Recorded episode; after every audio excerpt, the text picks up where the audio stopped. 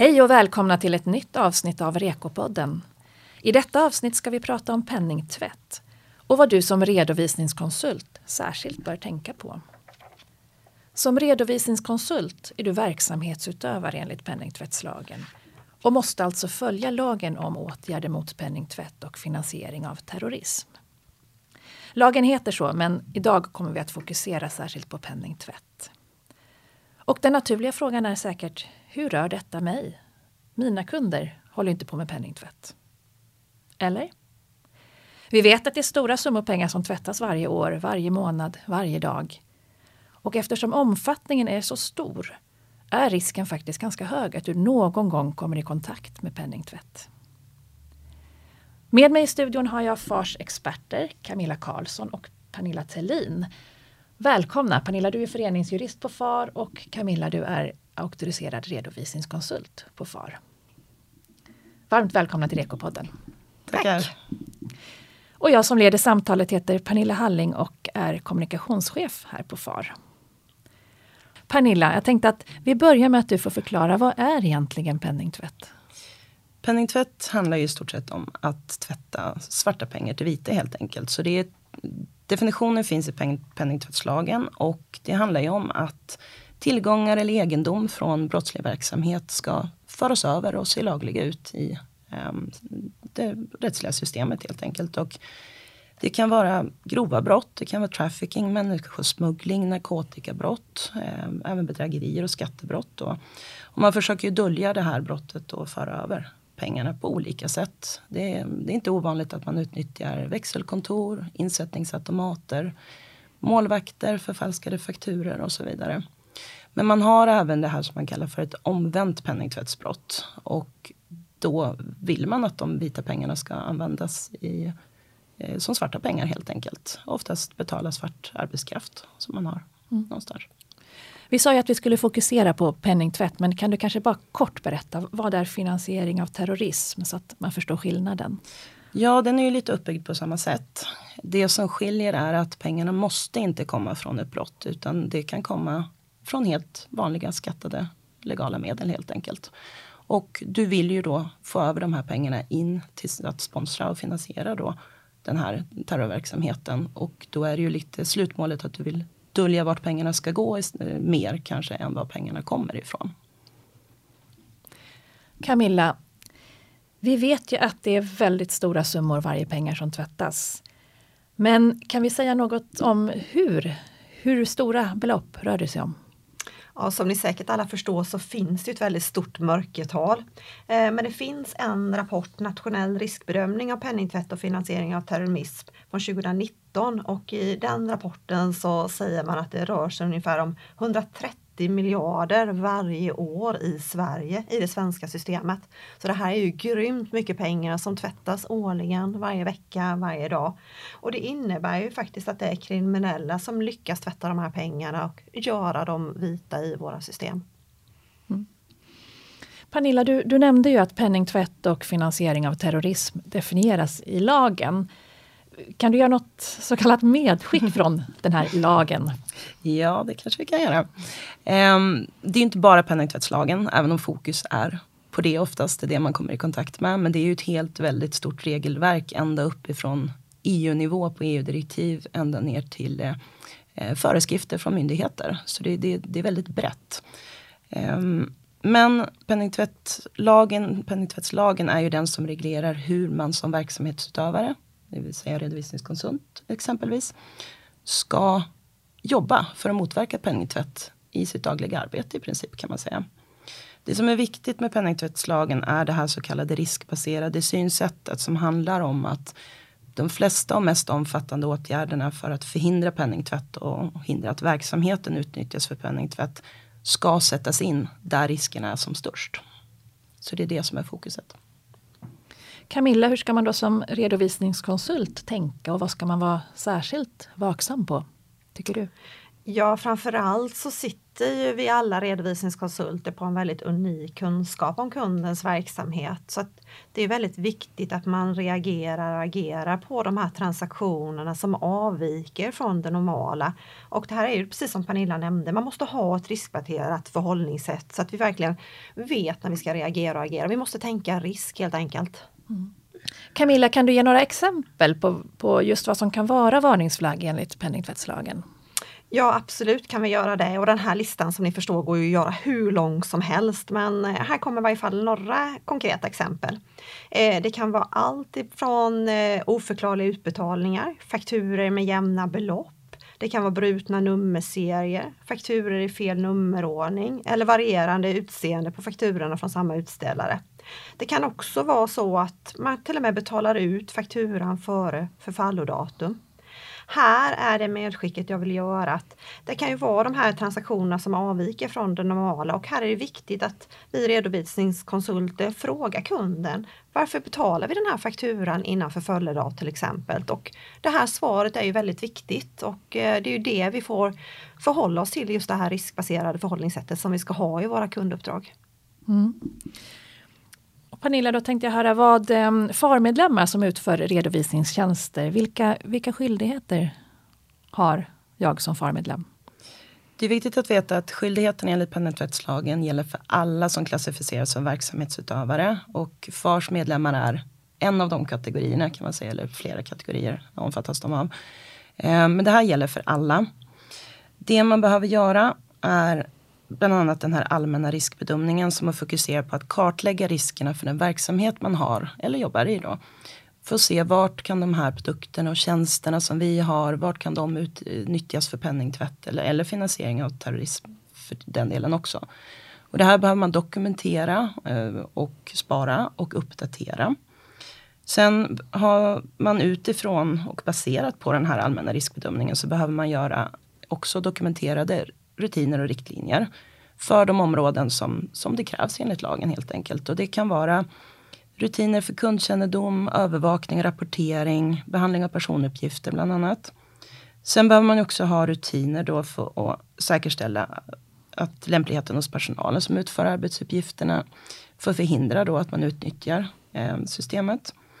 Och man behöver ha rutiner för utbildning och skydd för personal också. Så det, det är ganska mycket att att tänka på, eh, om man säger så. Men man sammanfattar lite allmän riskbedömning, rutiner och riktlinjer, kundkännedom till exempel. Man ska agera vid misstänkta transaktioner, eh, informera och utbilda helt enkelt. Du nämnde kundkännedom. Vad måste jag göra för att uppfylla penningtvättslagens krav om just kundkännedom? Kundkännedomen är ju ganska många steg att ta sig igenom. Men det är ju också syftet att du måste lära känna din kund ordentligt för att kunna sätta en riskbedömning på kunden också utifrån vilka risker ni nu har identifierat i er verksamhet. Dels handlar det om att identifiera och kontrollera ID på kunden.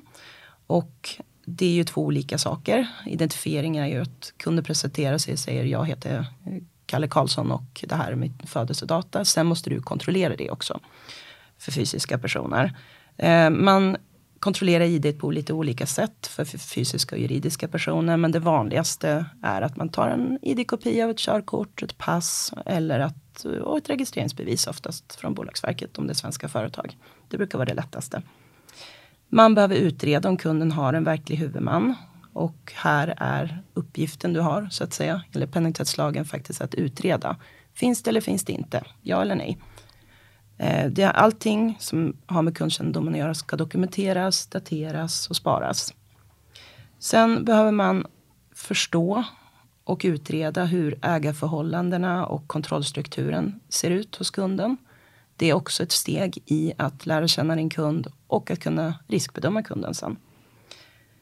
Du behöver se om det finns någon PEP, behöver du kontrollera och även och det gäller för kunden och verklig huvudman. Om det finns någon PEP. Eh, och de, PEP? Person i politiskt utsatt ställning. Um, och det gäller även att kolla deras familjemedlemmar. Så det är inte bara kunden eller verkliga huvudmannen. Um, det kan vara bra att komma ihåg för det är lätt att missa. Kunden du har att göra med, är de etablerade i ett högriskland? För det framkallar ju andra åtgärder och, och, och kan ju bli en, en högre risk hos kunden såklart. Um, länder utanför EES, eh, ofta, eh, där finns det ett antal länder som har bedömts som högriskländer. Och är man osäker så kan man gå in på EU-kommissionens hemsida så finns det en lista där eh, som man kan söka fram över vilka länder de här är. För den här listan är ett levande dokument så att bedömningarna, eh, det görs ju nya bedömningar emellanåt också. Så att det är bra koll på den. Sen måste man absolut ha koll på affärsförbindelsens syfte och art. Och det har också med riskbedömningen av kunden att göra. Varför gör de det här? På vilket sätt? Och som jag nämnde i början också så den här måste, den allmänna riskbedömningen måste hållas levande. Den ska uppdateras löpande och vid behov. Och ibland så uppstår det behov. Ehm, det kanske sker stora förändringar i företaget. Nya verksamhetsinriktningar, nya styrelser, nya ägare och sådana saker. Då får man hålla lite koll och se om man behöver uppdatera sin kundkännedom helt enkelt. Och då ska man gå igenom alla de här punkterna och uppdatera dem igen helt enkelt. Jag tänker där Pernilla, ska vi bara förtydliga lite det här när du var inne just på det här när man ska titta till exempel om det är en person som är pepp. Om man nu inte är en pepp-person, vilket det ofta man landar i kanske. Ja. Eh, då kanske det är lätt att man glömmer bort att dokumentera den här processen. Att man liksom, nej du är ingen pepp. Mm. Men räcker det att jag tänker det? Nej men det gör ju inte det. Och det är en jätteviktig poäng som du tar upp. Du måste dokumentera allt. Oberoende om det blir ja eller nej utfall. Positivt eller negativt. Så och dokumentera. Hur, ja, och hur jag har gjort den här kontrollen är också viktigt. Att antingen så framgår det i mina riktlinjer och rutiner att jag frågar kunden. Eller så har jag något annat formulär som faktiskt intygar som kunden själv har fyllt i. Mm. Då har jag ju dokumentation på att inte du är en pepp. Och vilket datum du har gjort den här kontrollen. Dessutom ja. ja.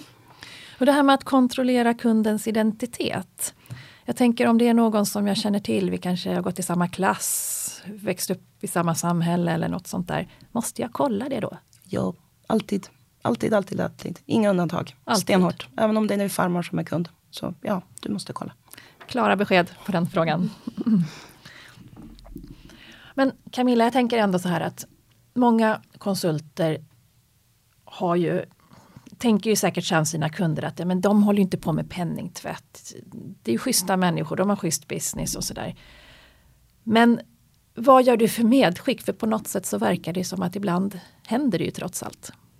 Ja, det gör ju lite det. Det var ju lite som vi sa inledningsvis att jag menar, någon gång kanske man ändå hamnar i den här situationen och det är ju en sak när vi tar in kunden dag ett, då kanske det inte är några problem men allting förändras ju över tid. Det kan komma in ny styrelse, det kan hända någonting i verksamheten som faktiskt inte alls såg ut som när vi fick kunden. Och det är det här som är så viktigt att vi verkligen titta på ett riskbaserat förhållningssätt.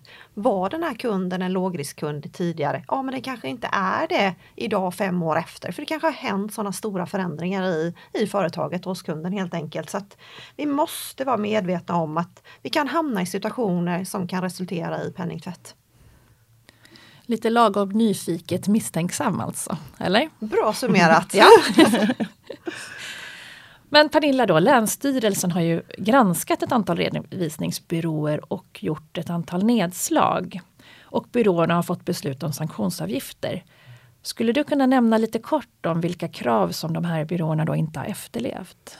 Ja, det har ju på senaste tid kommit en del beslut från länsstyrelserna på olika håll i landet med ganska höga sanktionsavgifter faktiskt. Eh, mångmiljonbelopp eh, också.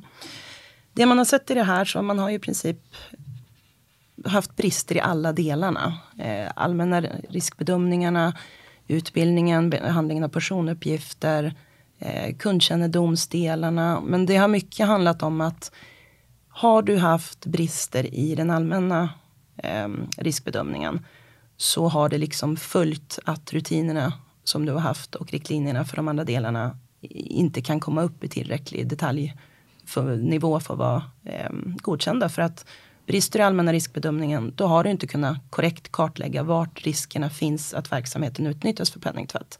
Och då spelar det ingen roll hur mycket rutiner och riktlinjer du har lagt, för ligger de inte rätt från början så, så brister det helt enkelt. Och de här företagen, det är inte så att de helt har saknat rutiner och riktlinjer, utan de har verkligen lagt tid på det här och skapat de här dokumenten. Men trots det så har man varit väldigt, man kanske inte har skrivit hur, vilken sorts registreringsbevis man ska ta ut som ska vara godkänt för en juridisk person till exempel vid, vid kundkännedomen. Och det kan ju tänkas, kännas lite så här, men ska jag skriva ner det också? Det är ju ett regbevis. Vi vet att det kommer oftast från Bolagsverket eller från en myndighet utomlands som, med samma motsvarighet som Bolagsverket. Men det ska ner på den detaljnivån. Och det är, det är främst detaljerna. De har inte varit tillräckligt detaljrika och tydliga på vad man behöver ha och kontrollera och hur. Vilka lärdomar kan vi då dra av Länsstyrelsens beslut? Ja, förutom att låta det här ta tid, framförallt för det tar tid att göra all den här dokumentationen. Var noga, lägg tiden på det här. Eh, det, det är värt det i slutändan, uppenbarligen. Eh, ta hjälp av mallar. Men mallar är inte lösningen utan det, det är hjälpverktyg. De måste, FAR har ju mallar också och checklistor och sånt som man kan använda. Men se till att tänka själv. Anpassa dem efter verksamheten. Tänk igenom hur er verksamhet ser ut. Ehm, det är väl det man kan göra. Och har ni konkreta frågor om penningtvätt eller om våra mallar eller liknande så, så får ni jättegärna kontakta medlemsrådgivningen så kan vi diskutera lite vidare där.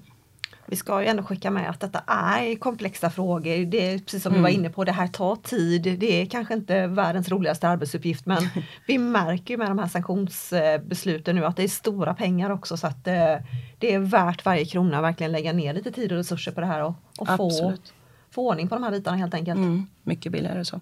Mm. Kan man säga. Camilla, finns det någon vägledning i REKO när det gäller penningtvättslagen? Ja, det gör det ju. För i REKO framgår det att, som konsult att du ska följa tillämpliga lagar och regler och FARs yrkesetiska regler. Och även under kapitlet om antagande om omprövning av uppdrag framgår det att konsulten ska utföra och dokumentera de kontroller som krävs enligt lagen om penningtvätt. Men som jag sagt tidigare här idag att det här är ju ett lagkrav så det här är ju ingenting som vi definierar i REKO lik andra lagar utan helt enkelt så ska man följa de lagar och regler man har att förhålla sig till. Hur är det då i FARs kvalitetskontroll? Kontrolleras efterlevnaden av penningtvättslagen på något sätt? Ja, i kvalitetskontrollen kontrollerar man att det finns riktlinjer och rutiner för att efterfölja penningtvättslagen eftersom de ska ingå i medlemsföretagets riktlinjer och rutiner. Men kvalitetsnämnden gör ingen bedömning av byråns riktlinjer och rutiner är bra eller dåliga för den kontrollen görs av Länsstyrelsen. Däremot så brukar vi uppmuntra kontrollanterna att ge förbättringsförslag och hänvisa till de verktyg och stöd som vi har inom FAR för att faktiskt kunna få de här bitarna på plats. Eh, så att visst stöd får man där, men som sagt var det är Länsstyrelsen som, som gör de här kontrollerna helt enkelt. Ni har båda två nämnt eh, vikten av rutiner och riktlinjer. Men vad ska jag göra om jag inte har dem på plats? Har ni några tips?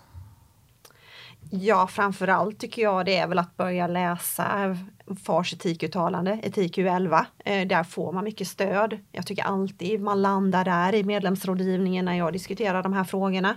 Eh, sen har vi ju många bra mallar som Pernilla nämnde här tidigare på far.se för våra medlemmar. Men återigen, mallarna måste anpassas. Det är exempel. Jag vet inte hur tydlig jag vill vara på det här.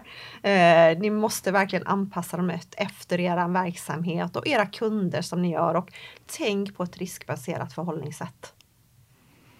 Och sen ska jag vilja tillägga också att det kan vara bra att börja ibland på ett helikopterperspektiv lite grann så att du förstår lite uppbyggnaden. Vad är penningtvättslagen egentligen? Ehm, så att du vet att du är säker i den delen innan du börjar dyka ner på alla detaljerna också. Sen har du ju föreskrifter från Länsstyrelsen. Ehm, ta hjälp av dem också. Läs gärna sanktionsbesluten. Nu är ju de här flesta av de här med högre summor nu senaste år, eller året överklagade. Men det kan vara lite, lite tips på vad Länsstyrelsen tittar på och vad de kräver av de här rutinerna och riktlinjerna och allmänna riskbedömningen också. Skulle jag vilja skicka med. Mm man kan väl också säga det Pernilla, för jag tänker att de här riktlinjerna och rutinerna de ligger kanske på byrar, byråledarnivå men det är viktigt att alla medarbetare på byrån känner till de här. Eh, vad ska jag göra om jag hamnar i en situation? Mm. Hur gör jag om jag måste rapportera till finanspolisen? Så det är också viktiga saker att fundera på. Alla faktiskt redovisningskonsulter där ute ska ju faktiskt ha kännedom om det här. Mm, absolut. Och man har också krav på att ha vissa utsedda funktioner inom verksamheten men det ligger lite på ledningen att sköta den delen så att säga. Men man ska kunna vända sig internt också och få hjälp. När vi ändå pratar lite det här det som ligger på ledningen där också så att där vill vi väl också skicka med att vi också uppmärksammat i våra kvalitetskontroller att man kanske har missat att registrera sin verksamhet hos Bolagsverket när man bedriver just eh, redovisningsverksamhet och bokföringstjänster. Så att, eh, se till, har ni inte gjort det, se till att få det på plats också. Ja, för det kan bli ganska allvarliga konsekvenser. I värsta fall så um, Länsstyrelsen kan ju förelägga att du får upphöra med verksamheten helt enkelt om du inte har anmält dig där du ska och sköter dig som du ska. Så det vill man inte missa. Nej, det vill man verkligen inte. Och de orden får avsluta den här podden. Och jag vill bara passa på att tipsa om ett webbinarium som går att se som finns på far.se där eh, Camilla Karlsson och Pernilla Tellin berättar mer om vad du som redovisningskonsult särskilt bör tänka på. Tack så mycket Camilla och Pernilla. Tack. Tack själv. Och tack du som har lyssnat. Tack.